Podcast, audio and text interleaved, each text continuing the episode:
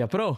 Hvala, no, še enkrat, ker ste se pripeljali prav z Ljubljane, sam za naju, sva vesela. Sam, uh, na glas pa ni ljubljanski. Ne, Scela sem. Scela. Uh, koliko si stara, pa to niti se nisem pozanimal. Tudi ne rabiš povedati, da štud- študiraš še ali pa živiš v Ljubljani. Nič od tega. Nič od tega. Ne, eh, v bistvu živim v celu, delam v Ljubljani. Eh, stara sem pa 29, se mi zdi. jaz sem to tudi zmer problem povedati. Ja, jaz vem, da sem rojena, pa najfolk računa, ko je tako. Pametno. Uh, ja, dej pa, pa ker smo že glih pri tem, no, da delaš v Ljubljani, s čim se pa vse ukvarjaš, imam občutek, da tako s stotimi stvarmi.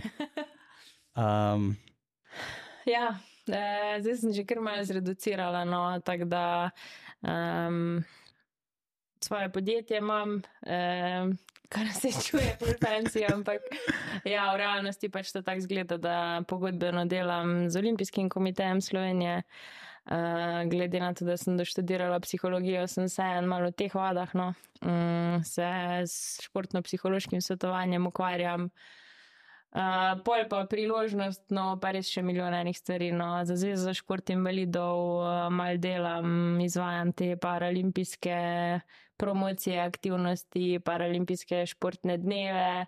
Um, na slovenski antidoping organizaciji, da če včasih pomagam, ker sem bila v preteklosti ambasadorka.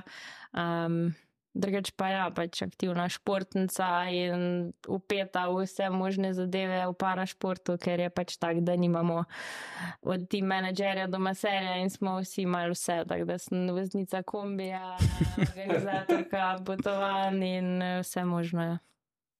cool. Ja, to je. Bil spisal. Ja, zihar večji nabor, bi ga jaz lahko povedal.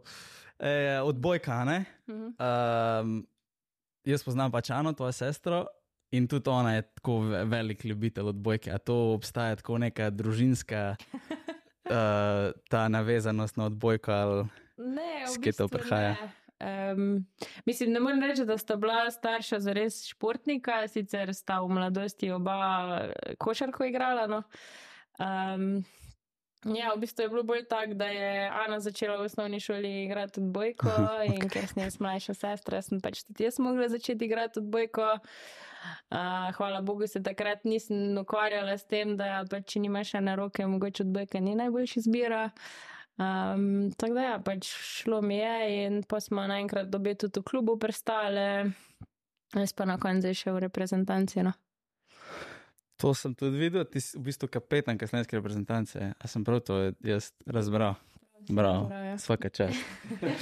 Um, kje pa, mislim, ja, pol je v bistvu ta, a pa to so se prej pogovarjali, pa niso razumela. No, um, kakšna je ta linija med, um, med tem, da bi lahko, oziroma ti bi lahko igrala tudi navadno odbojko?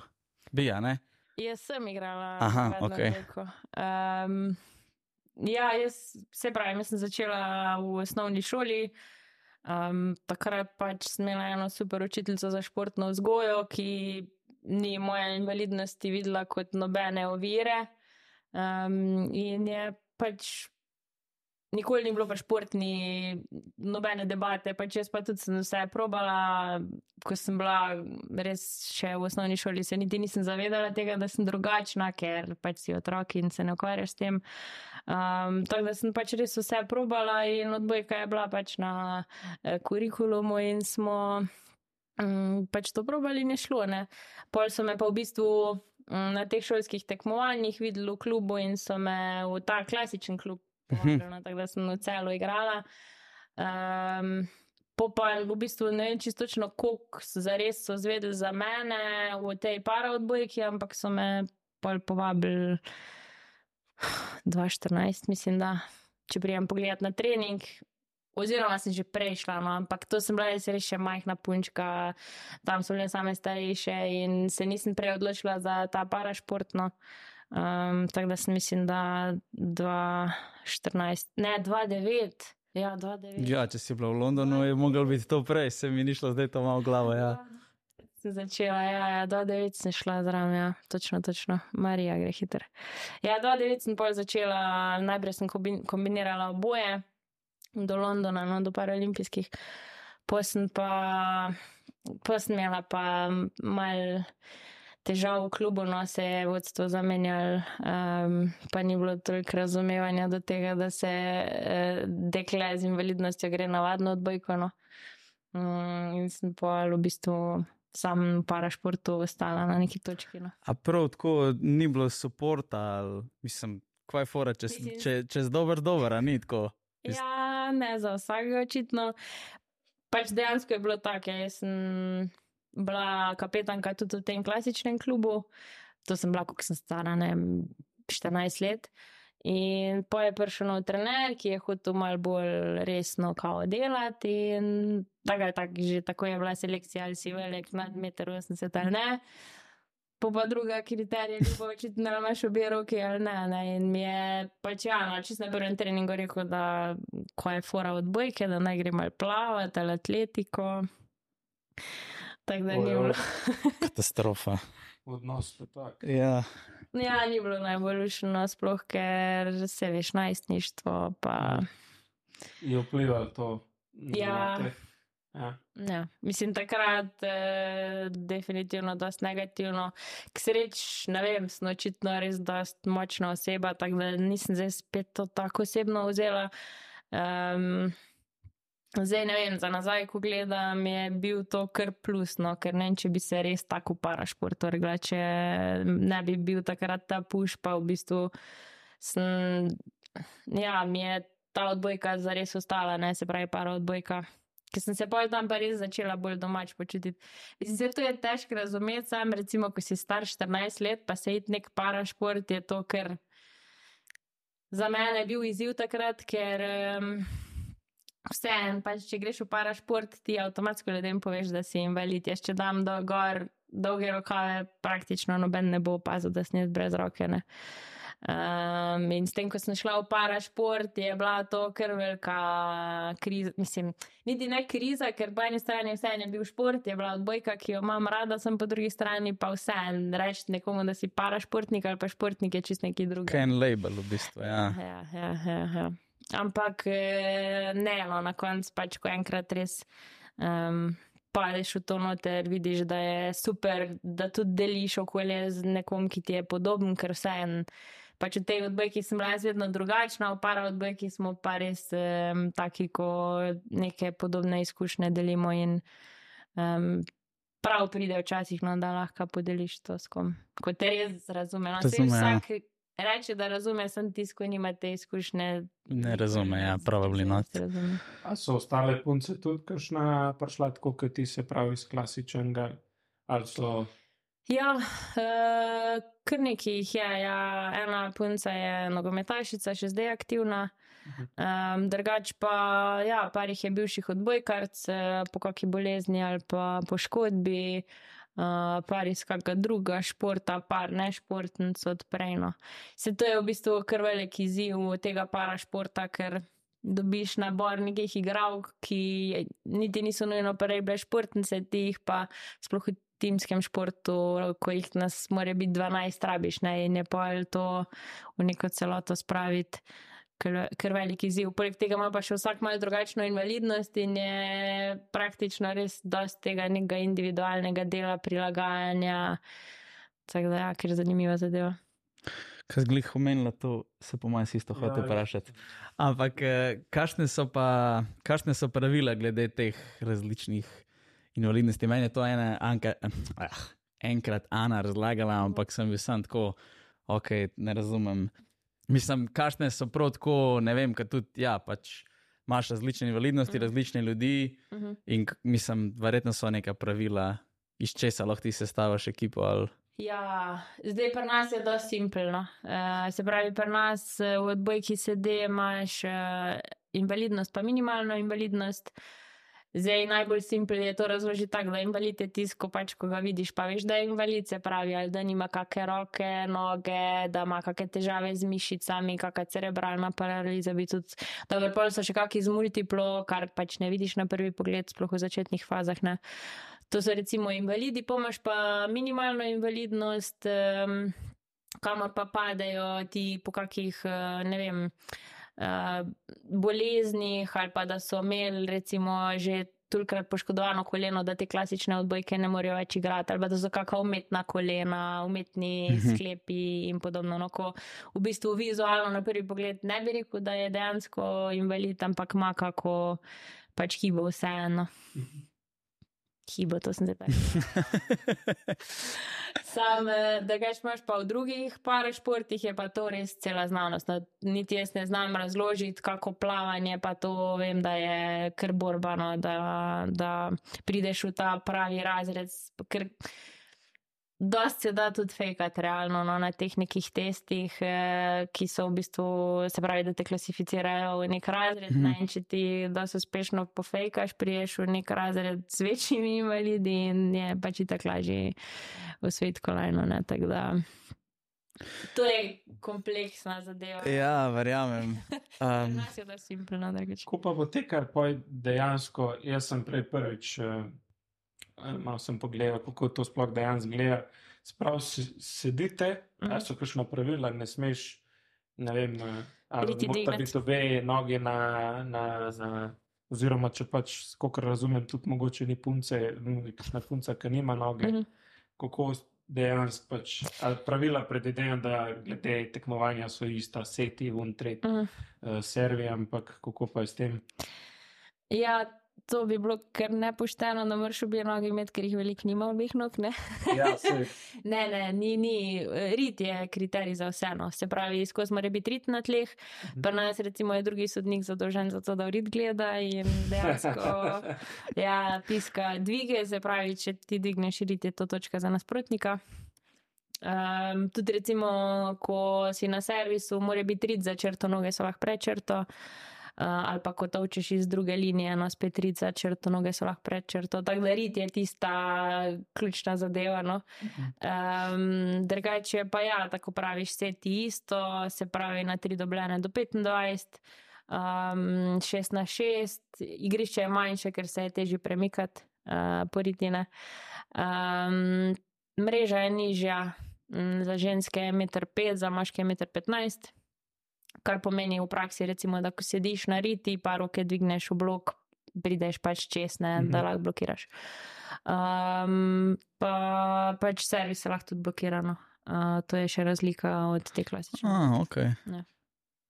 Kako je pa v bistvu to fizično zahtevno, ker spet Ana mi je enkrat rekla, da je pač ona ta šla šla to ene parkrat probati in je da je bilo tako crazy, da ni mogla hoditi, tako še par dni.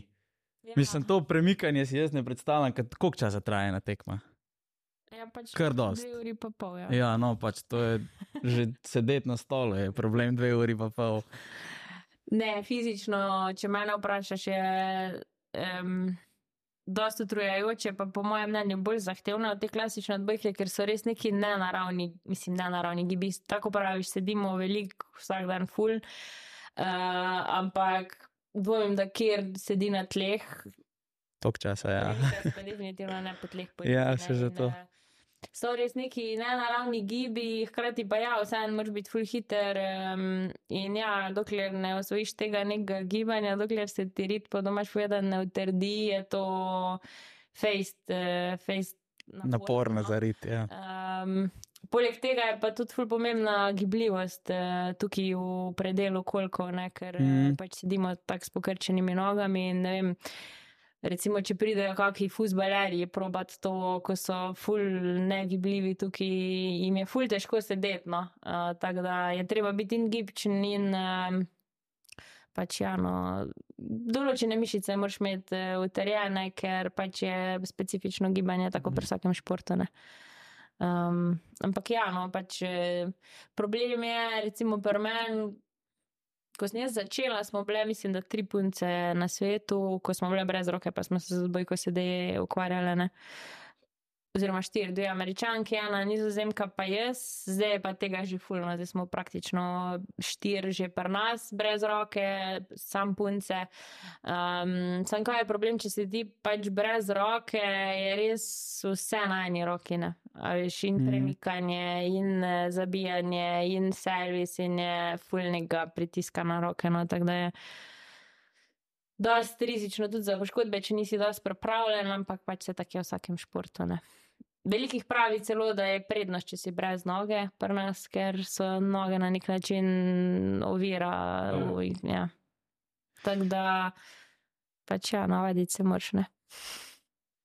Pridite probat. Ja, sploh prišla proba. ja, prav. Sicer bi bilo pol verjetno žal, da ne mogel še en teden sedeti, ampak uh, Ja, na vece in drug dan, če dokler treniraš, je kar zanimiva zadeva. Ja. verjamem. Ja. Pač, ker to je takle parket, a ne? Mislim, to je navaden parket, ja, to zihar ni comfortable. Pa se veš, se ni boljš, če je mehk, zato ker pa se še ogreza, pa v bistvu še več. Aha, energije porabiš. ja, valjda. Fajn je, da je trd, da pač drsino.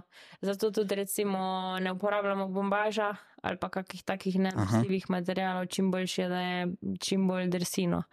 Tako da ti umetni materiali so dosti boljši, ker zdrsijo po podlagi. Zdaj pa, kdaj prideš, da neč ne drsi, eh, če je fajn spucan, fajn drsi, tako da čisto odvisno. Zelo zanimivo. Ja. Mislim, ker si ne predstavljaš, no že takrat, ko je um, Luka govoril za smočarje, je bilo zanimivo, ki je povedal, malo, kako se jih klasificira. pa to. Za- Ker dobiš tako pogled do neki, ki ne, Ali pa ne smo včeraj tudi. Eh, ni para smočar, ampak Ne, on ni, ja. Snimal je para. On dela, pač to je en gost, ki so ga tudi imeli tle na podkastu in on v bistvu dela te uh, televizijske prenose teh športov in med drugim so prenašali tudi uh, neke parasmučanje je bil. Ja. In je pač razlagal, da je bil en, da je en čist slep, čist slep. Ja, ja, to je noro. Pa tako pol, kako s temi časi, uh, tudi so v bistvu neke te klasifikacije, Ja. ja. Ja, če se jaz Mm. prav spomnim. Ja, no, zato so pa tako sploh narci, ker to mislim, Ja. ja. sem teorijo slišala iz prakse, še nisem videla. Ampak ja, to manj da nič ne vidijo in en vozi pred njimi Ja. in govori, Ja. ne. Ja, Uh, tako je on razložil. V bistvu je točno tako je razumel. na polno. Ja, In jaz sem to pa iz zgodbe, so še zdaj slišala, da so. Ker pa jim mora povedati tudi, da se ustavi, ne, na koncu. In da pač osvojijo kolajno in folk se navduši in pozabi povedati, da naj se. Človek. ustavi, ne. Ja. To je drugače neki tazik, ki po mojem ne bi nikoli pomislil, dokler se ne zgodi, ali pa dokler ni zraven, ker se to zgodi. Um, ja, ta šport na splošno je. Pa se v bistvu je logično, ne? težko je v bistvu klasificirati to, če se prej malo vrnemo, kar smo se pogovarjali. Ker itak z istimi poškodbami ali pa z istimi invalidnostmi ljudi, tako ne dobiš dosti in pa mora biti nek miks. Uh, mislim, se hvala Bogu, da jih ne dobiš dosti. No. Ampak uh, mora biti nek miks, ja, in pol zihar imajo, bom rekel, eni neko prednost. Mm, ja, seveda je tako. Ampak tudi, da veš, za trening je dost, uh, mislim, težko. Pač res je treba ful nekih faktorjev upoštevati. Recimo, ne vem, pri nas imata dve trdo nogo, mi rečemo, kar pomeni, da nimata kolena res gibljivega do konca, ampak ne imata. Opala. Eh, ne morata več kot 90 stopinj pokršiti, kar pomeni, da ne morata sedeti tako me, ampak morata imeti eno nogo čistegnjeno. ne. In Zdaj predstavljaj si, obe sta največji igralki, kar pomeni, da po logiki bi jih dal igrati na centra, kar pomeni, da bi na sredi blokirale. Ampak če ti, pri, ona recimo ima desno nogo ravno in če ti priključuješ blok iz desne strani, pač je to ful težko sestaviti blok, mm -hmm. da nimaš luknje vmes, veš, ker ona ima tu. Meter 80, koliko je visoka, pa ne vem, en meter, no, mislim, resno, ja. tako ko sploh ne pomisliš. Ni kar tako, da recimo, če si trener odbojke, takoj lahko presedla, presedlaš. Ja, ja. So res neki drugi faktori. Poleg tega, ne vem, tu ne dobiš 20 igralk, pa pol narediš selekcijo, ne, teh 8 bom Mm. doma pustil, pa jih 12 vzel, ne, tu moraš, ne vem, pri nas so punce čez 60 stare, pa jih rabimo za trening, ker nas je pač preprosto premalo, ne, da, da bi zdaj rekli, ne vem, da je res to. Uh, tista klasična reprezentanca, ko si jo folk predstavlja, ko rečeš, da si um, v reprezentanci, no, ampak pač to je para šport, tako praviš, hvala Bogu, da nas ni Ja. po eni Itak. strani, ampak po drugi strani pa ja, pač moraš maksimum iz tega iztržiti, kar imaš. Ne. Recimo nam se je naredil lani, lani se ne ta čas čist prehitro. No, v Turčiji, ko smo bili na evropskem, pa je bilo to mal po koroni in bi nas mogli, ne vem, nas je recimo 9-10 nas je. In pol ena je neko operacijo imela, pa že tako smo mislili, da mislim, nismo sploh vedeli, da bo lahko šla zraven ali ne. Pa bo je rekla, da gre zraven, ampak da pač da še ima šive in da praktično ne more igrati. Ena je, ne vem, nekaj zbolela in je skupaj padla na letališču in jo nismo smeli na Ojoj. letalo vzeti, dve sta pa ali celo ne vem, kaj neki so bile. Ena je bila pozitivna na korono, ena ne vem, kaj še, na koncu nas je šest ostal. Veš, in praktično nimaš nobene menjave, cel turnir moraš odigrati. Um, ja, tudi dve smo imeli res starejši v igrišču in mislim, res toliko neke improvizacije, pola, veš, tudi tisto, kar si treniral, celo poletje v igravu, ti vse vodo Skozi okno, ja. Tako da to je, to je po mojem mnenju največji izziv, no, da res nimaš nekega nabora igralcev, pa da če se ti zgodi, da se en poškoduje, pač enega druga in na istem mestu sabo vzameš, ne pač tudi ni tega. Ne. Uh, da Ja, to pa v bistvu kar vsaka čas, da se, se sploh sestavite skupaj, Ja. da greste, glede na to, koliko je enih teh faktorjev. Mm. Ampak, uh, mislim, meni se zdi, se, ne vem uh, podatkov, ampak a misliš, da mogoče uh, ti si prej rekla, da si zelo močna oseba, ampak da mogoče ostali, se pravi, z, z isto, tako, ke, z tako invalidnostjo, kot ti, ali pa kakršno koli drugačno, a jih je strah, mogoče v, ne vem, Parašportu. športi ali pa kaj tasga. Ja, jaz bi rekla, da je to velikrat faktor. Ja. Um, mislim, faktor, ok, pri ženskah je tudi, veš, to ni tako, zdaj, da ti pri večini ni. Da bi ti res odraščal kot športnik, veš, in je to neko, so to neke tvoje sanje. Se pravi, kot ne, klasična neka športna karijera, si jaz predstavljam, je, da vem, kot otrok se z parimi športi ukvarjaš in pol se na nek način zaljubiš v šport in zbereš eno športno panogo in v tej ustrajaš in greš na olimpijske igre. Ne. Pri nas pač to ni tako, pri nas je pač ponavadi, ne vem, da do 20 leta delaš, kar delaš, pol imaš neko nesrečo ali pa neko bolezen in pol se ti življenje čisto spremeni in pol na neki točki priješ v parašportne in uh, Zdaj, da se jih pač ne odloči za parašport, mogoče niti ne zato, ko bi se bal ali pa karkoli, ampak ker pač niso športniki po duši, ne, pač, eh, zato je še toliko težji. Mo- Mogoče edino, kar je eno, s čimer sem se jaz, recimo, tudi v magistrski nalogi ukvarjala, je, pa sem spet sam predpostavljala, ker nisem vzrokov za to iskala dejansko, ampak um, pri meni se je pokazalo, da recimo tisti, ki so ki imajo prirojeno invalidnost, ne v primerjavi s tistimi, ki so kasneje v življenju postali invalidi. Eh, Se pravi, tisti, ki imajo prirojeno invalidnost, da so bolj v tekmovalni šport raje usmerjeni, medtem ko tisti z pridobljeno invalidnostjo pa bolj v rekreativni šport. No, jaz mogoče to glih s tem povezala, da ja, če, ma, če si kasneje v življenju izgubil, je mogoče težji to sprejeti. In če se pa ti greš tekmovalni šport, je pa tako, kot sem prej na začetku rekla, ne, pač s tem ti takoj vsem poveš, da si invalid in če nisi ti še pri sebi preščistu, pa sprejel te neke nove podobe sebe, ne, je verjetno pač se teže iti nek tekmovalen šport, ne. Medtem ko rekreacija ti pa vse en, ko prenese neko družbo podobnih ljudi, te pa veš in je pa na nek način. Tako da ja, ampak to, to je še za raziskati. No. Zdaj sem čisto preveč raziskovanju. ne reči zgud.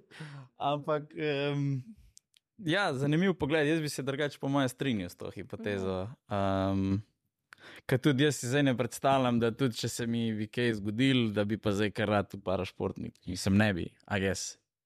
Ja, A ne? k- ja, Ja. Nisem, nisem sploh se v to situacijo postavljal, da se ti kasneje to naredi, zaradi tega, ker pač eh, ti ima, imaš prirojen. Jaz imam prirajanje. Moj, moj bratranc ima tudi prirojeno, ne, on je plaval full dolg, zdaj Ja? mislim, da ne več. Naj pride Ja. v dvojko. Uh, mislim, da je, da je opustil šport, no, nisem zdaj Ne. zihar čist, ampak um, ali celo vaterpolo. ne vem. In sem iz te strani, pač iz vidika gledal, kot pač, kot si ti Mm. rekla, kot otrok se še ne zavedaš, verjetno, Mm. da mislim, vse slej kot prej, ali pride s to strani družbe, mm. so vrstnikov, ampak um, se mi zdi, da tudi on uh, je odraščal na, na ta način, da, vem, da, da je sprejel to, oziroma da ga ni tako uh, zmotil, zmotila mnenja drugih, mm. kako karkoli.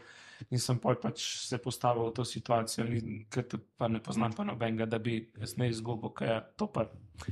Ja, sam je v praksi je dosti več, mislim, da takih, no. A kako je mm, ja, ja, ja. ja. Vse čez, pač čez couch potato, ne boš pa več po. ja, se to je. Ja, vse to je razumljivo. Ampak ja. Kašen je pa. Um, kaj sem že hotel vprašati? A ja. Zdaj, ki ste jih rekel, to, kar sem pa vrstnik, kakšen je pa. Mislim, se, če nočeš deliti tega kula, ampak kaj je smela kaj tako drugačen otroštvo, glede iz, iz vidika vrstnikov. Pa, mislim, jaz si predstavljam, da pač mulci so tako dosti rutles do ljudi, ki ne zgledajo ali pa ki niso čisto nenormalni, no to ni ta prava beseda, ampak niso taki po regalcih, recimo temu tako. A so bili tako neki. Mislim, jaz eh, ne vem, pod kjer srečno zvezo sem rejen, ampak dejansko eh, nisem imela nikoli. Slabih izkušenj. Ne, z vrstniki res. Ne, niti ene. No.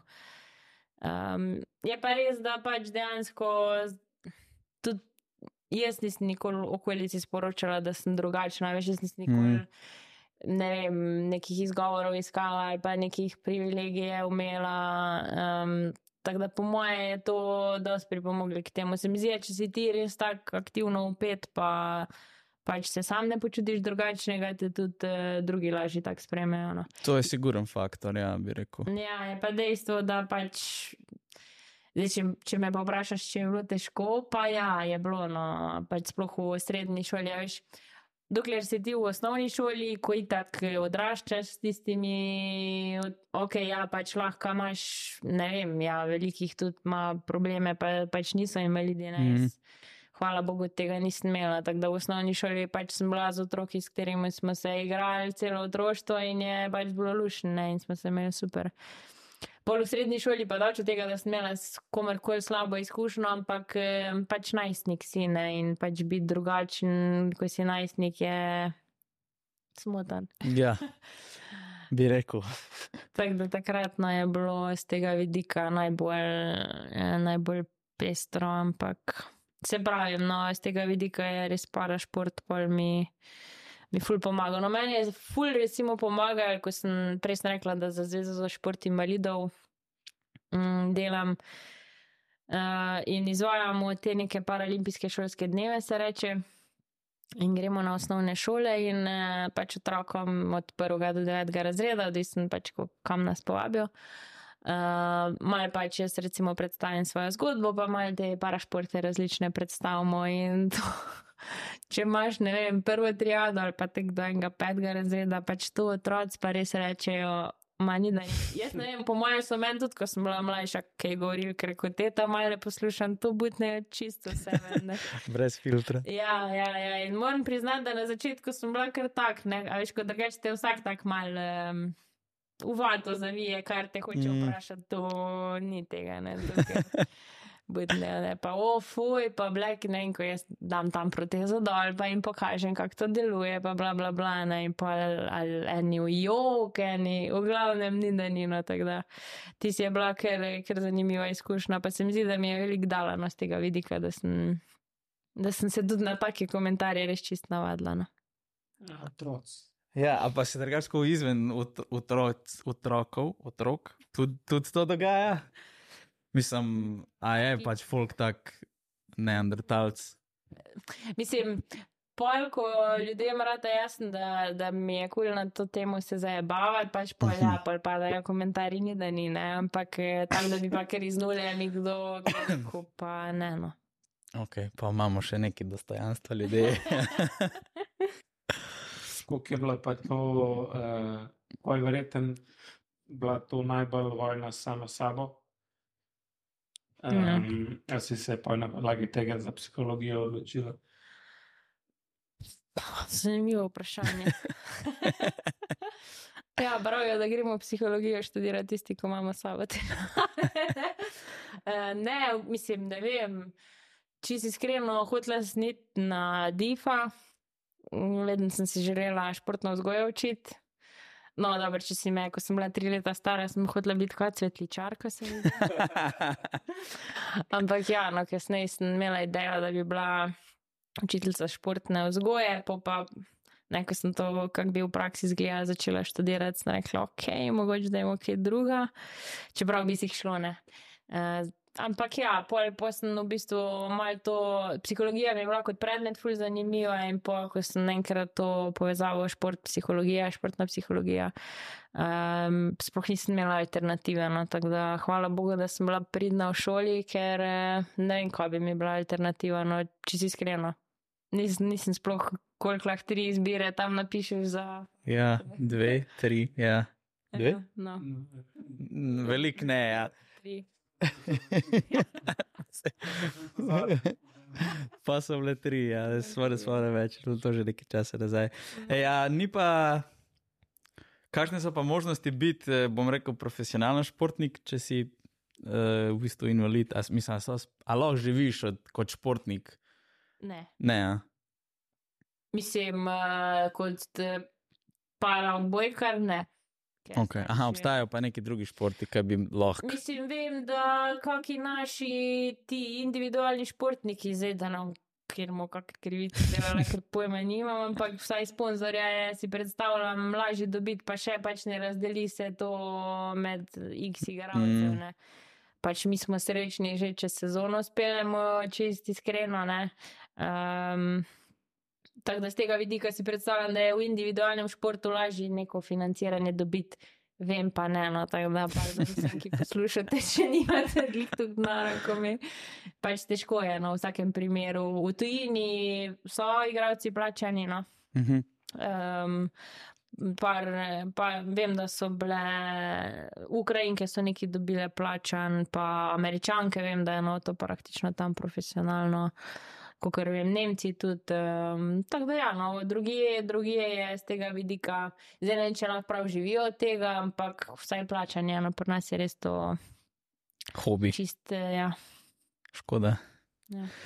Ja, čakaj, kaj pa to, ker ste bili zdaj, zadnjič ste usvojili neko Euroligo? Ja, ja, ja, ja. A to je pa klub, klubska klubska, tekmovanja. Aha, ok, to, to pa tudi v bistvu igraš v nekem klubu. Ja, mislim, okay. Pač realno je tako, da Paravoli Europe, katerega predsednik je Slovenc sicer, a, naš pomočnik trenerja, se res v bistvu zdaj lotil, da bi težijo k temu, da bi čist praktično enak sistem imel kot ta klasična odbojkarska Mhm. Evropska zveza, uh, kar ja, seveda vključuje tudi te klubske različice tekmovanj. ne. Zdaj, mm, seveda, klubov je milijonkrat manj kot v tej klasični odbojki, ampak ja, no, začel se je delati v tej smeri, uh, interes je pokazan, ampak pač pri nas v Sloveniji sicer imamo koliko pet ali šest celo klubov, no. No, ok. Ja, ampak mešanih, ne. Se Mhm. pravi, punce, fantje, invalidi, ne invalidi in tudi recimo na mednarodnem nivoju klubsko se lahko igra, bi recimo lahko vidva igrala um, za klub. No, lahko so trije invalidi, pa trije ne invalidi. No. Aha, ok. Um, so pač malo bolj ohlapni kriteriji, glih za to, da povabijo čim večje število klubov, čim večje število igralcev, da se pač šport Mhm. promovira, razvija. Um, ampak ja, no, zdaj so v bistvu še čisto tolerirali to, da se praktično malo pograbi igralce iz različnih klubov, samo zato, da se pač pride. No. Zdaj, ideja je pa taka, ja, da bo pač klubsko tekmovanje res um, tako, kot v tej čist neki klasični športni sceni. Ne. A so klepo, kakšne nagrade? ja, kolajno dobiš. Okay. Še to so nam na zadnji dali neke plastične.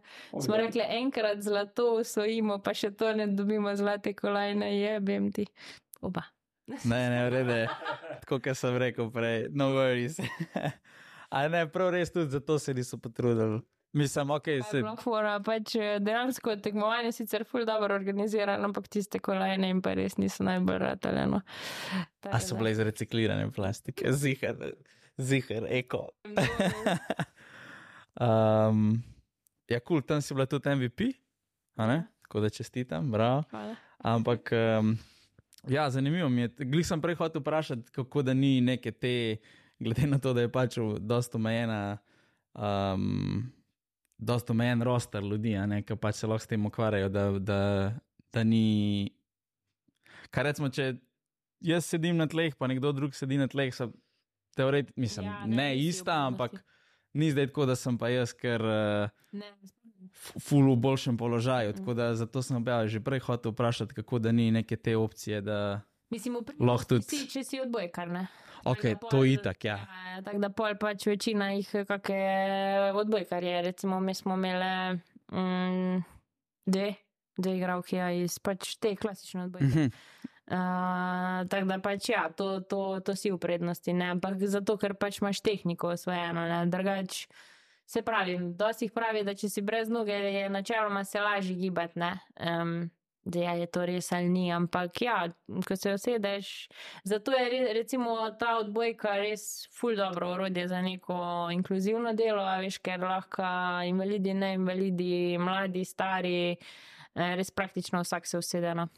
Zdaj, kakšni paraplegiki imajo težave pri nas, ker je tam so pa res pač noge mrtvo tovor in se je ful težko premikati. Tetraplegiki, ok, tako sploh ne, no, ampak um, karkoli pa ni res neka poškodba hrbtenjače, pa načeloma ne bi smela biti ovirano. Tudi recimo enkrat smo imeli v Italiji nek projekt in je bilo tudi za te z motnjami v duševnem razvoju. No. Um, tako da pač ok, ja, malo prilagodiš. Ko sem bila v Grčiji, v Grčiji sem šla na izmenjavo, smo recimo v domu za ostarele, pač smo dali ta stare na vozičke, invalidske in po neko, nek, neko vrvico napeljali in tudi eh, cel žurno z nekimi baloni. Tako da uh, se da tudi tako kot neke terapevtske zadeve uporabiti to ala odbojko sedene. Tako da je zanimivo. Dost ja, je tak pol inkluziven šport, res. Ja, Glede tega res Kaj za ostale športe si glih ne predstavljam, da bi, da bi bila bil tok mislim, ne vem, kjer drug bi bil še lahko. Mislim, veš, kaj je problem? Pri nas dejansko nič ne rabiš, ne? Mislim, nič ne rabiš. Ok, tudi mreže načeloma, ne, če že neko vrvico napneš, Mhm. ne. Rabiš žogo. Ko se greš ti kjer drug para šport, ne vem, košarka je na vozičkih, rabiš vozičke, rugby je na vozičkih, za kolesarjenje itak rabiš neko specialno ono kolo, handbike, ne. E, polja za smučanje rabiš un monoski, um, res, ok, ja, atletika, ne. E, ampak ok, pač teč greš tudi tak, ne, ni zdaj, da bi rekel, da se pol neki družiš. Ja, to je, ampak ni pa, recimo, nekdo kot invalid, verjeten, um, ni, ni tako enako teč. Ja, Ja, mislim, dobro, kakšni gluhi, ne, ti pač ni okay. razlike, ampak drugač pa, pač ja, ti slepi zvodniki, drugač pa ne moš. Čeprav on Pistorius, ali ko je bil, on je šel na olimpijske, ne, brez obeh nog. ja. Da, Ja, se ta, takrat je bilo, pol, a ni bilo neki full polemik, da v bistvu še te njegove proteze pomagajo, v bistvu biti hitrejši. Pa, ja, ja. Tako je nemogoče to, vsaj po mojem mnenju, no, um, ali dokazati, ali narediti identično kot je, pač ker. Um, ja ne moreš, ja, siguren. Tako da vprašanje, kako bo to. No. Je pa dej, dejstvo, da se zdaj fulj teži k temu, da bi bilo čim več nekih uh, takih integriranih tekmovanj, recimo zdaj v. Na Kreti bo septembra, bojo te sredozemske igre na plaži Mhm. In bo tudi eh, odbojka sedena Mjuki, no, prvič del tekmovalnega programa, tega klasičnega, tako da se vseeno razvija zadeva v pravo smer. To si pa sploh ne predstavljam, že ko greš tam tako na plažo, imaš to milko posod, zdaj pa da še sediš noter v njih milki. I don't know. Ja, zdaj v kopalkah ni najbolj, če greš igrati, no, ker eh, ti pa res polje vse posod milka. Za zihar, ja. ja, no. Mislim, da je hudo, čist kul cool se da igrati, no, moraš. Res me, moraš imeti špegle, ker uh, se itak milka na roke Mm. mm. in fuleti pol. Uh, tako da špegli so obvezna oprema, pa pač ja, no, kopalke absolutno ne, neke oprijete pajkice, da čim bolj stisne, da gre čim manj. Koliko se je pa težje premikati v milki? Po tleh. Ja, teži se je, ne sem se pa dost bolj brez nekih skrbi vržeš, tako da nisi, A, okay. da si tukaj omejen.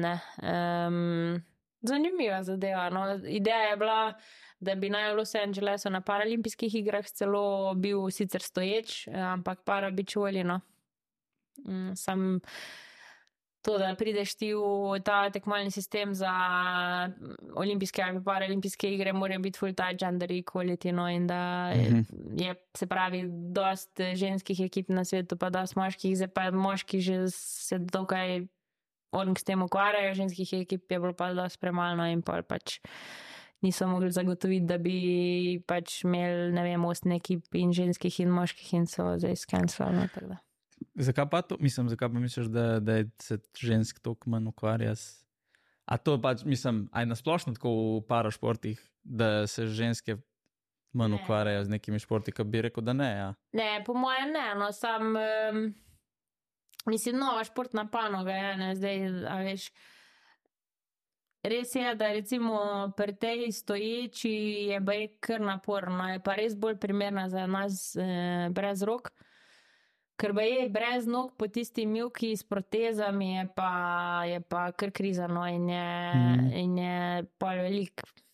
Nekih odrniti ne poškodno, ampak pač krn ti odrgne in je težko. No, tako da pač si predstavljam, da ne vem, je. ni prva izbira. No. Ja, to, Še se veš, to je vse, moraš imeti pri nas po zim lahko, kaj zdaj samo v ludusu treniraš, ne veš in um, tudi pogoji si predstavljam, da niso čisto isti, uh, ko za to klad. Ne vem, ne vem, kaj je forano, ampak. okay. Um, ja.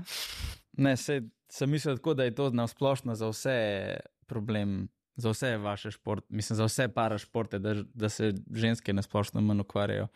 Ampak, Pojma ni, Ne bi rekel. ja, Po okay. moje ne, zaresno. no, vse za to je. Ja. Ne. Ampak bi, čeprav no, bi pa rekla, recimo, da je povprečna starost para športnikov, primerjavi športniki, vseeno višja, veš. Mhm. Kar pa je to neko družinsko življenje, vseeno se bolj pokriva pri parašportnikih, kot pri športnikih. A veš, ne vem, če je tvoja top karijera, si zdaj mislim, pri športnikih neki, ne vem, od 18 do 27 leta je pri nas dosti više. Ne? In zdaj, če se greš neko družino, je pa mogoče Mm. tudi zato upad za ženske. Ne? To spet špekuliram. Ne? Ampak ne, je, se sliši dosti logično. Ja. Ne. Prej si omenila, da hodite po šolah, uh, ali ozaveščate o invalidnosti ali uh, o športu. Mislim, uh, kaj je point teh obiskov? Ozaveščanje o invalidnosti, pa da se da športati, ali nasplošno o dvojki. Ne, ne, ne, to je pač eh, čim več športov predstavljamo. Ne. V bistvu koncept je zamišljen tak, ja, da se pač para šport in posledično tudi invalidnost promovira. Mm, tako da ja, no, vedno gre en pač aktiven parašportnik zraven, kot recimo jaz, in pol pač za vsako skupino delim svojo zgodbo, pa me lahko vprašajo, pa jim pač povem, kak sem odraščala, malo o protezah in to. Um, usporedno pa pač poteka ja, tudi ta nek športni program, um, kjer se pa lahko preizkusijo tudi v različnih športih. No, Pripeljemo vozičke, pa lahko še na vozičkih probajo, polune zveneče žoge, recimo, prenesemo pa lahko pač probajo ta golbal, ko je za slepe. Um, pa različno, ko je, ko je še odbojka sedi. Uh, Včasih smo imeli tudi pa, da je recimo ena ekipa prišla predstaviti kak šport, pa smo prišli ne vem, odbojkari sedi, pa eno tekmo na koncu odigrali. Tako da tako, no, Hmm. da slušam. Mm, se mi zdi, da je ful pomembno, da to skupino nagovoriš zaradi tega, ker pač če že kot taki mladi sprejmejo to kot nekaj normalnega, pač bojo tako pol tudi odrasli dobi um, na to kot neki res um, bolj, mislim, boljše, je, če pri mlajših začneš, in se mi zdi, da je kar dobra praksa, plus tega, da so tam mali vedno ful navdušeni, no res to jih komi spraviš iz telovadnice, ni zdaj tak, da bi rekel, da, da imajo odpor do tega, vsaj večina, no, Mhm. verjetno se pojavi kdo, ampak v večini je res dobro sprejetno. A ozaveščate tudi uh, starejše, recimo, samo ta od prvega do devetega? Mislim, ne, prav, da bi kakšne programe ozaveščanja, vsaj jaz ne, da bi vedela. No. E, to je v bistvu tudi cilj, da jih čim več privabimo v šport. Ne sam zaradi tega, ker problem je, da ti dejansko nikjer nimaš zares dostop, prosto dostopnih podatkov, kdo je invalid. Veš, recimo jaz, da bi zdaj rekla na Soči, dajte mi povedati, vse, ko so stari od 10 do 18 let, pa so invalidi, pač tako tega ne smejo dati. Ne. Uh, in je pač to, da greš po šolah nek način, da dosežeš to ciljno publiko. ne. Mm, in ja, pač pa upaš, da bo, da bo kak invalid tam, pa da bo za šport. Ne. Mislim, to sem zdaj grdo rekla, no, ampak ni to glavni namen. Glavni namen je pač, da se ozaveščajo, ampak če pa najdemo kakega potencialnega kandidata, pa seveda ga. Je pa se, Še bolj. dopustne. Ja. Saj igrate lahko, če se najde kakšen kandidat. Sam je pa recimo ful.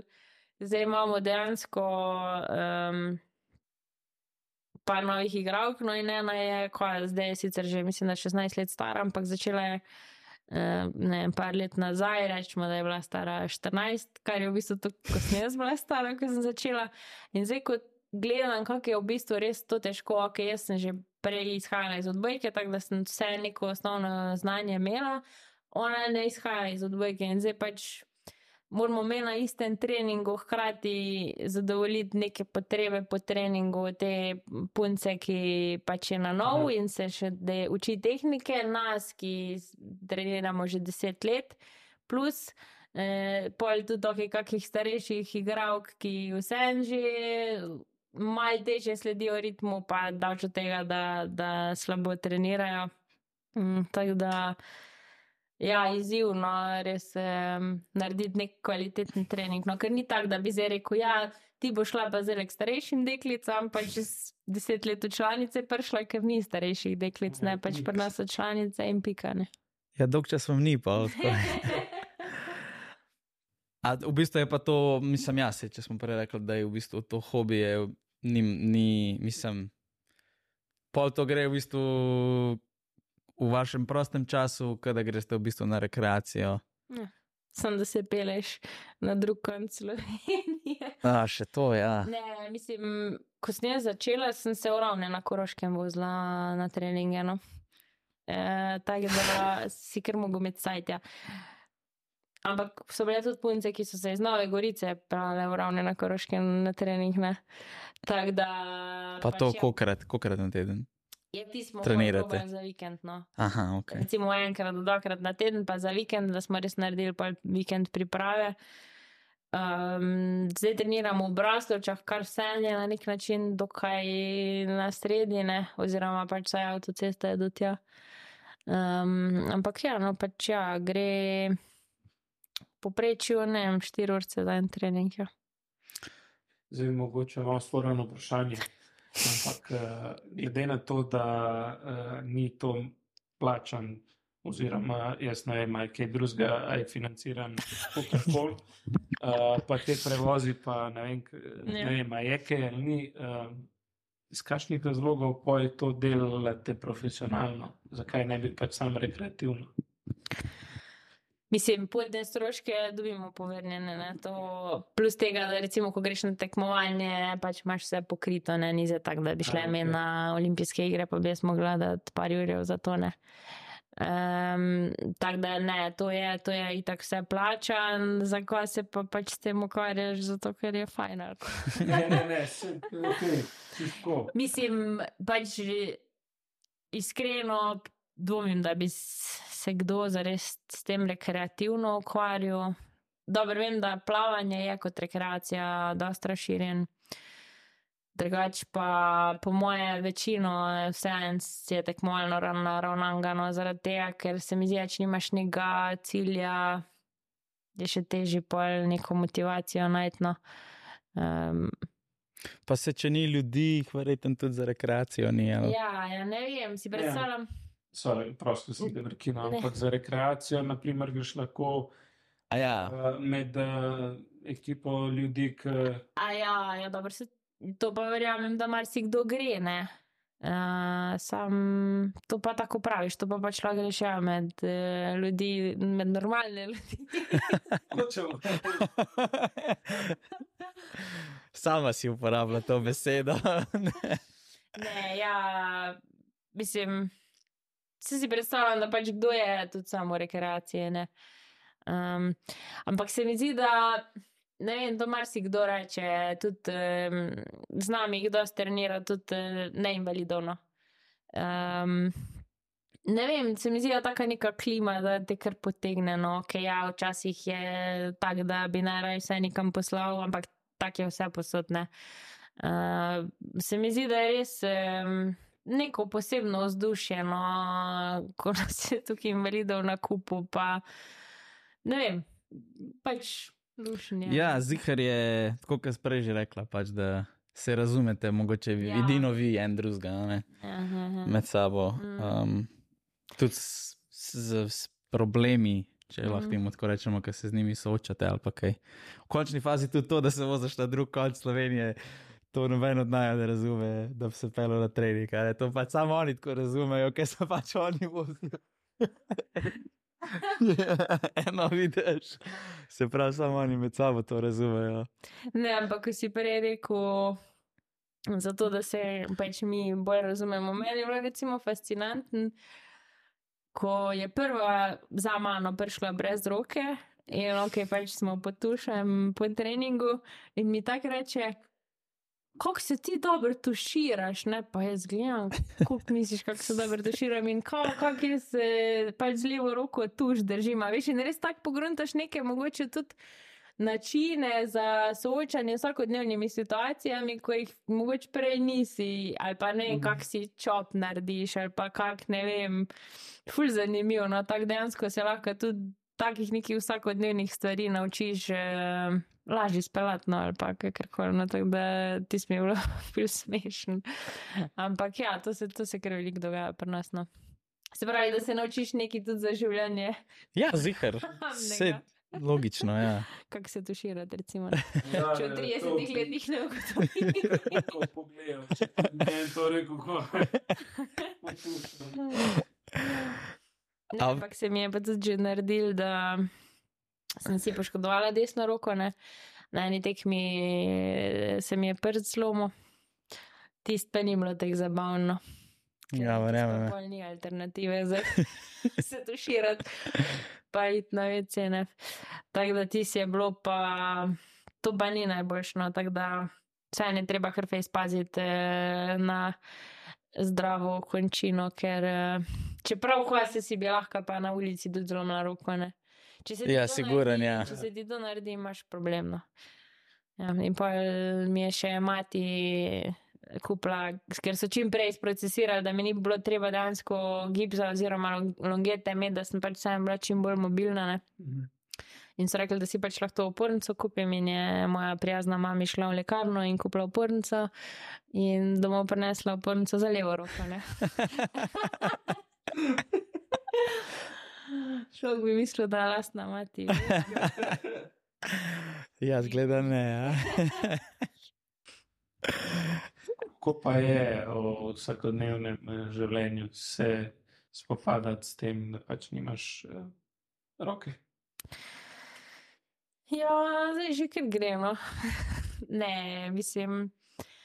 Jaz, kar sem tako pogruntala, da mi je ful olajšalo življenje, je, da pač ljudem zdaj takoj povem, da sem brez roke, ker uh, sem dož časa na nek način hotela to prikriti, pa pač vse, kar s tem narediš, je, da na neki točki folk opazi in pol pač vidi, da je tebi neudobno in pol te ne vprašajo in pa so neki čudni, neke čudne interakcije in bla bla bla.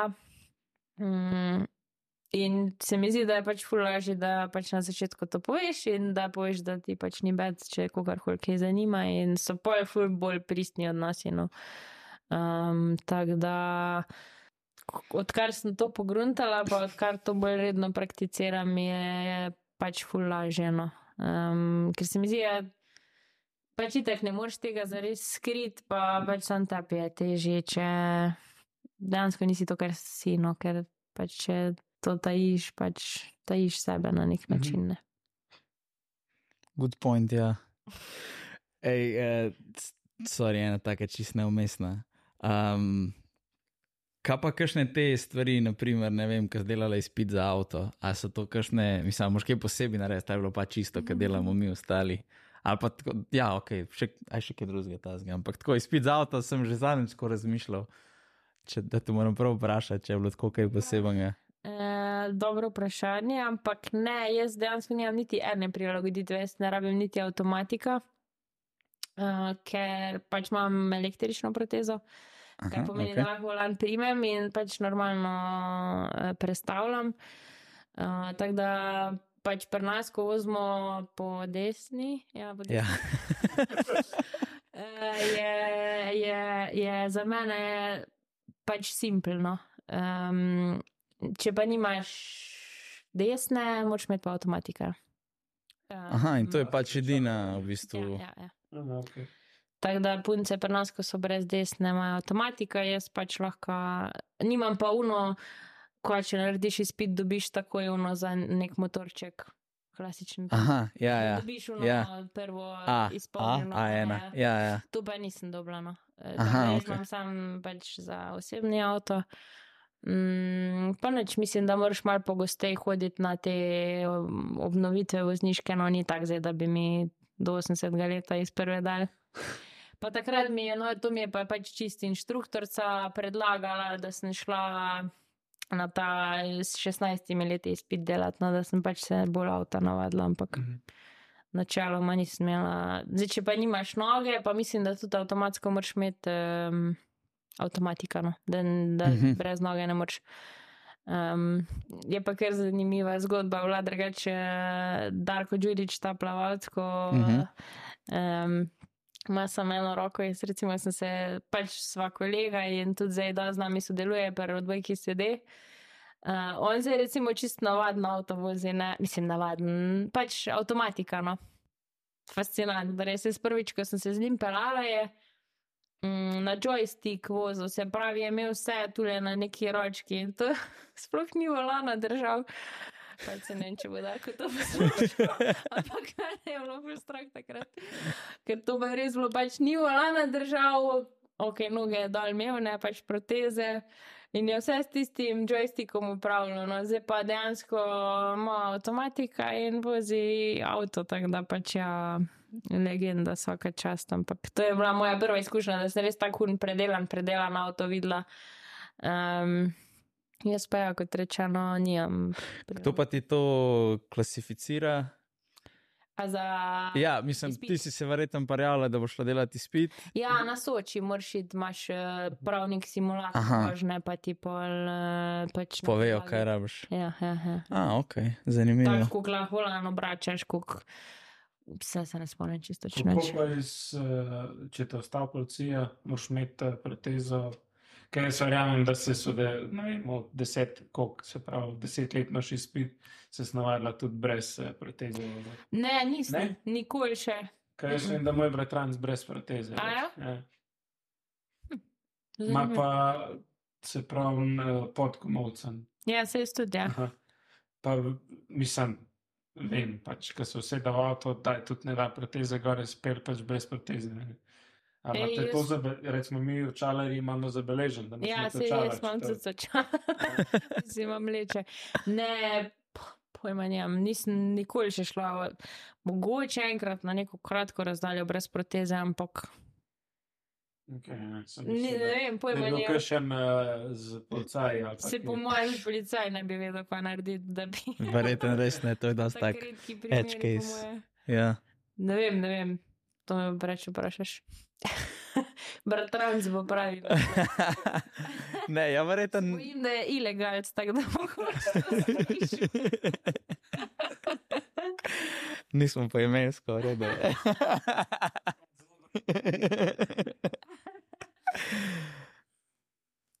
Um, a v bistvu pa, kaj, zjutraj, ko ostaneš, daš to gor in imaš pol dan gor, ali kakšen imaš, a imaš kakšne, a delaš kaj brez nje? Ja, doma sem brez nje. Aha, ok. A je Ja. težka, Ja. verjamem.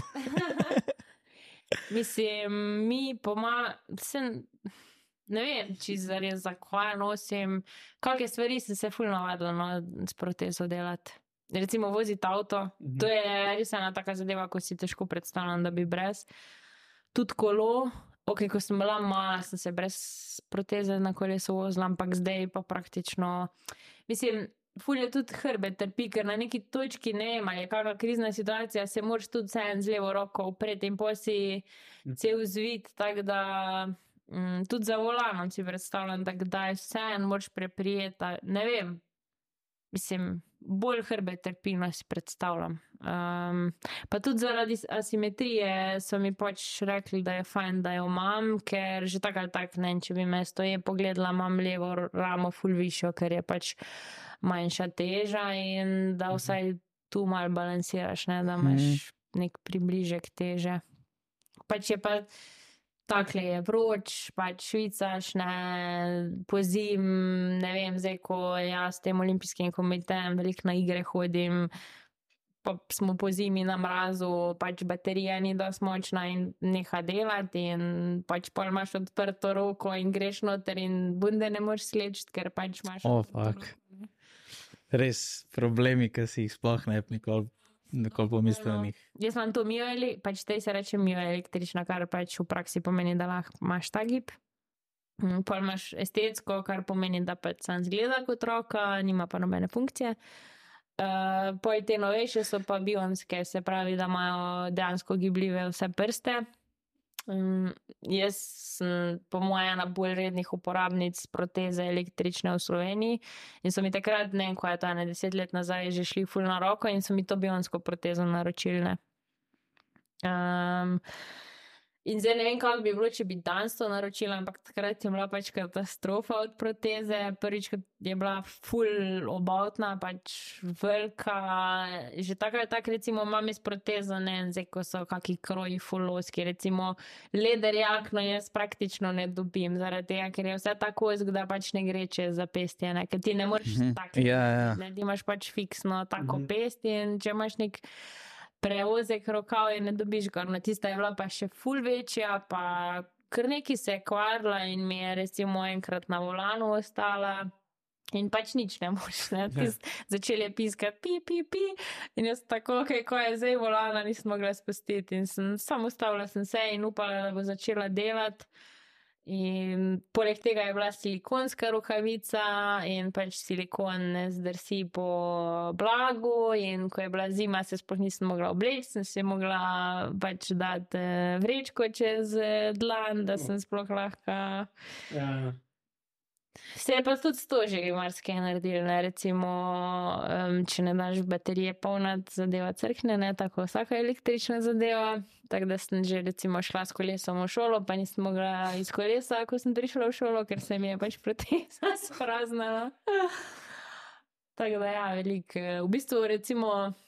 Moj največji strah, ko sem šla na Triglav, je bil, da mi bo proteza nazaj ali odkrenarce gor proti ali ja, že en stol postala. Veš, ker če se primeš, ne, pa ne vem, da je mraz, da je neki crkne in se dejansko nisem upala priprijemati tam z levo roko, ker sem pač sam se bala, da bo postala. Da bo na Triglav opustiti.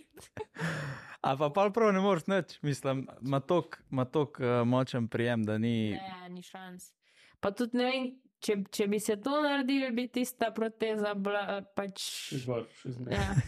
Zaradi tega, ker pač ti moraš neki do štroma prijeti, to ni tako, da lahko ti powerbank samo preneseš, pa Aha. pač naslednji dan priješ, pa malo dofilaš in je to to, ne, to pač moraš prijeti do vtičnice in.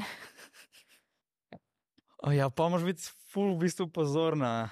Ja, ker veliko moš kalkulirati. Ne? Pa ne vem, jaz zdaj pač prijem za par dni v Ljubljano, ko imam fanta tu in moja klasika je torba s tremi rokami. Ne? Ker kaj če bom odbojko igrala, pa rabim to protezo, kaj če bom šla na kolo, pa rabim to protezo, kaj če bo deš, pa rabim to protezo. Ne?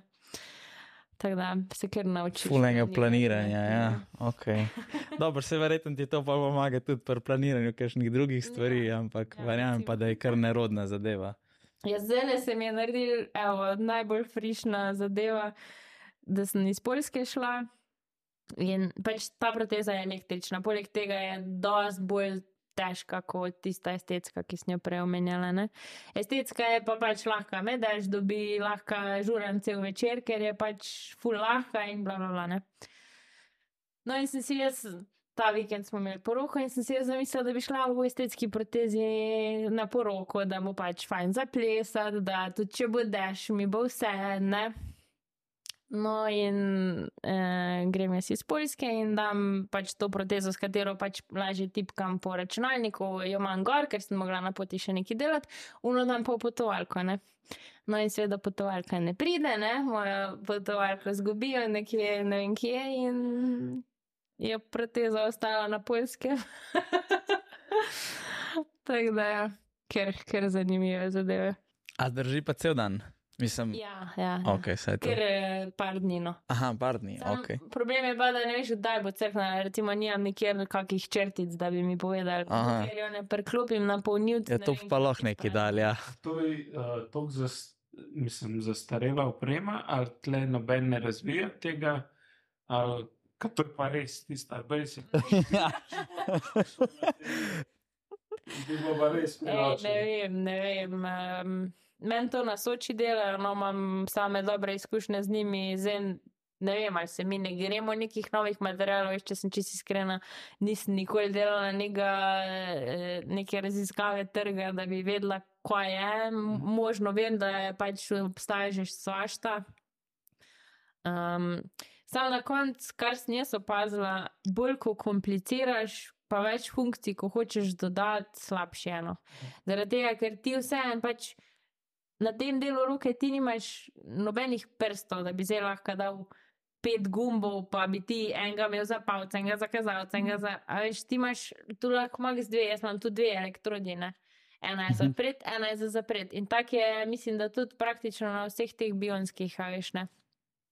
In zdaj z dvema gumboma pet prstov upravljati pač je nemogoče. Ne? In takrat pol so ok, neke ekstra funkcije dodajali, da če si tri sekunde držal lev gumb, opa, eh, se je sam palc začel premikati. Mislim, Ja. in pol veš, ne, se zamisliš in tri sekunde lev gumb držiš in pol kar naenkrat se sam palc premika in pol preden, mislim.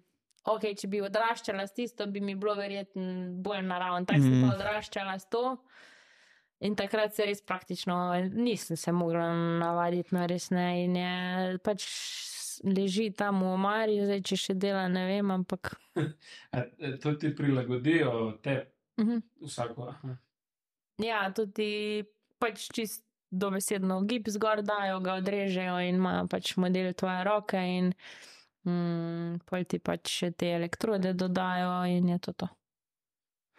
To, pa, to je verjetno za stone, ne se imamo javno zdravstvo, hopefully. Ja, ok, vse to. Dokler se redno šolaš, je pač to sploh zastojn, po pa če se greš neke ekstra zadeve, kot pač električna proteza je, ne, moraš pač vloge dati na Zavod za zdravstveno zavarovanje in če ti odobrijo, imaš zastojnja. Meni se še ni naredil, hvala Bogu, da bi mi zavrnili, ampak po teoriji ti lahko Ti zavrnejo. lahko zavrnejo, dobro, upam, da ne zavračajo tega. No. To je pa res ena taka osnova. Ja. Ja, je ker je. Sam tri leta je realno, na tri leta pripada. Ne? Aha, In pač to je zadeva, ki jo res vsak dan uporabljaš. In um, je velik tri leta, no zdaj mi razpada, že na polskem so mi vsi šrofi tule ven padli.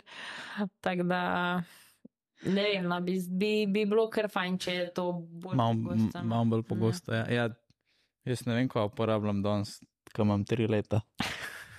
Je- Ne, tako, ja, ne, Je kako je. televizijo. Ja. Ampak to je pač una, tam stoji on Ja, off, to ni zdaj to nekaj uporabiti. Niso danes po mojem več stvari narejene. Ne, telefon. Ja. Je. No, sej telefon je mogoče primerljiva zadeva s tem, veš, ko res vsak dan full uporabljaš. ja, ampak ga ne menjaš na tri leta. Ne? Ja. Mislim, da ga razbiješ, pa opraskaš, pa baterija več ne drži. Ja, to je pa, kaj naroče, čeprav, ok, verjetno pri tebi malo bolj, ker če imaš pa mogoče uh, to nogo, ti Saj pa je crkne. Noga je pa na eno leto, mislim, da. no. Aha, Ker ti so pa tudi pritiski večji, a veš, eh, pač ker s celo težo, kar stopaš. Ne. Tako da, kar vem, so noge na eno leto. Ja. Sam pač teorija je eno leto. Ne. Ja, ja. tri leta, pač pol v praksi se to vedno zavleče. Jaz pa mislim, da to zdaj že štiri leta, ker pač pol čakaš na datum, čakaš, da dobiš material, čakaš, da ti odobrijo, čakaš bla bla bla. ne. Um, Tako da se načakaš. Koliko Bilo v Sloveniji, če ne če to. ja. Koliko pa drugače to stane? Mislim, verjetno je lahko tudi sama kupila, ne? Mislim se ne, da bi jo mogla, ampak Eh, lahko greš verjetno to sam kupiti. Koliko to stane? Kupiš lahko vse sam. Ja. ne, ta je električna, je okrog 10 tisoč. Oh, fuck. No, ne, ne sama vem. kupiti. 8 do 10 bi jaz Ja, rekla. No. no, saj. Ne vem, ne vem. Mogoče se zdaj ni. tudi mimo darla. Jaz se znarjam, mislim. ne, sam se sem jaz tudi slišal, ko je dobro, neki iz Amerike, sicer na tam itak vse. To je bolj drago, ampak tam so bile tako, kar ne vem, da preko 50, Ja, 100. to si za bionske gledane. To so tiste, ko Aha, ostaviš te une, premike. okej, Tiste no. so dosti Če so une dražje. 50, pol je ta zig 10. Ja, ja, Sam ja, to je full. ja. Pač to si človek, nisem. Ne, en poprečen slovenc. Ja, na tri leta. Ja, Pa bi no way. na dve. Ne? Ja. Ja, to je čist, pol, čist neizvedljivo. Ne, ne, ne moreš to sam. Ja, vem, da takrat ta Darko, ko je noge menil, je mislim, da nekaj malo bolj hude si hotel kupiti in je kvariko, da je 80 ur ena. Pa dve rabiš, ne, pač če si na njegovem mestu. Oh, fuck. Predstavljaj 80 si. jurjev. To je flat. Jih, ja. Dve rabaš flat. Na dve let. Al, al, ne, na en let. Ne, ja ne vem, koliko to pol. No, Tam so pol tudi neka pametna kolena že, ko zaznajo tvoje vzorce hoje in tisti je dosti bolj razvitno. Vse logično, veš, za hojo. Um, je malo bolj pot... Ja, pa če dan, Ja. če dam dol protezo, sem vseeno mobilna, oni pač ne morejo dati dol proteze. Ne? To je res, ja. Ja, kul, cool. ali lahko jaz bi sem še malo vprašal glede tega, tega psihološkega dela tvojega življenja. Ti delaš športniki kot psihologinja, sem prav razumel. Ok, in to v bistvu delaš kaj? Kako Mislim, v, v kaj? kažem, v, pač, če, če delaš športni kaj jim pomagaš, ne vem, po poškodbah, da se, se, se sprijaznejo s poškodbo ali ne vem, kariera 20, ne vem. Uh, mislim, Ja, mislim pač odvisno od posameznika, ne, na katerem delu karijere, ali se pripravlja na kako tekmo, ali pač tudi, ne vem, velikih imajo tudi kakšne težave izven eh, športa, kar in tako Mhm. vpliva tudi na šport, ne, tako da pač vedno čisto individu, individualno. Pač eh, največkrat so to ne vem, kakšne tehnike sproščanja, da pač se lažje umiriš pred nastopom, kakšne te predtekmovalne rutine, da se izvedejo, da pač vedno imaš neko isto zadevo pred eh, startom, kar pač načeloma olajša zadeve, kak samo govora, veš, ko fulje teh kakih negativnih misli, a veš, ne bo mirat ali Mhm. da se to naučiš nadzorovati ali pa v bolj pozitivno smer eh, razviti. Tako da ja, pač eh, vse možno. Zelo velikrat, nažalost, ja tudi poškodbe, kako se soočati s tem, kako pol, mogoče tudi kakšne mentalne treninge uh, uvesti, pa tako no. Ok, pa moram jaz iti zdaj. ne, pred kratkim sem imel eno poškodbo na futbalu, pa sem zdaj v bistvu tudi nič, nič hujšega, ampak ne vem, če bi ga lahko, če, bi kdaj, če bom še kdaj lahko ekstremno športov, tako da se moram tudi jaz s tem malo sparjazniti. Uh, tako da, ok, se slišuje. Ne, ampak pa, pa nisem nikoli tako igral, ali pa bil resen športnik, ali pa karkoli, ampak ni kul, cool, mislim, ni mi kul. Cool, no. In predvidevam, da nekomu, ki se je resno ukvarjal Mm. s kakršnim koli športom, pa tudi če ne resno, če sam ne vem, jaz sem šel enkrat, dvakrat na teden na neko rekreacijo, če ti že to zdaj ne morem iti, Mm. kva še le, če si ne vem. Karkoli drugega delu bolj redno, mm. kot to, če pa profesionalno, si pa v bistvu, po mojem, Mm. sploh ne predstavljam. No, vse, veš pa bolj. Ne, zdaj, če smo že pri športu invalidov, je doskrat tudi ta samo podoba problema. Veš, jaz sem za sebe razlagala, da dokler ti ne sprejmeš sebe, je ful težko, je to nek tekmovalen parašport. Ne, in je tudi, recimo, ja, dost. eh, Samo podobo, pa ti si, ja, veš, ti si se sam poškodoval. Zdaj, Ja. Postaneš invalid, to je. Si pa sploh ne predstavljam. Ja, To je, to je ker, ker, eh, ker procesno, tako da dela ne zmanjka. Ja, se... Vse to je dobro, zdaj je dobro. Uh, Koliko bi pa rekla, da je mogoče, vse to je verjetno težko vrednotiti, ampak predpostavljam, da je tem, ki v bistvu pol kasneje postanejo kakšni invalidi ali pa kaj tako bistveno težji. Ampak koliko jim je pa, mislim, ali pa kako jim pol ti sploh pomagaš, da ka, verjetno se moraš najprej s tem sparjazniti. Ja. Pa kakšne so to zdaj neki, mislim, kako, kako, se, kako, kako sploh začneš? A so to neki prijemi ali karkoli? Ali... Mislim, spet je dosta od posameznika um, odvisno. Ne? Zdaj jaz prav s to skupino ne delam, to, to je večino na soči. Až Mhm. ti imaš, ko priješ na sočo, imaš res tam interdisciplinarni tim, od psihologa, fizioterapeuta in Mhm. podobno. ne, Tako da pač tam je prva neka točka. Um, ampak ja, se verjetno. Pol, šele ko domov prideš, je to realno stanje. Veš, tam si vseeno v nekem okolju, ki je čist prilagojeno invalidom. Ti pa pol, ko domov priješ, ne vem pa, da si na vozičku, predstavljaj si v četrtem štuku, živiš brez dvigala, Mm, pridi ja. ne moreš ne.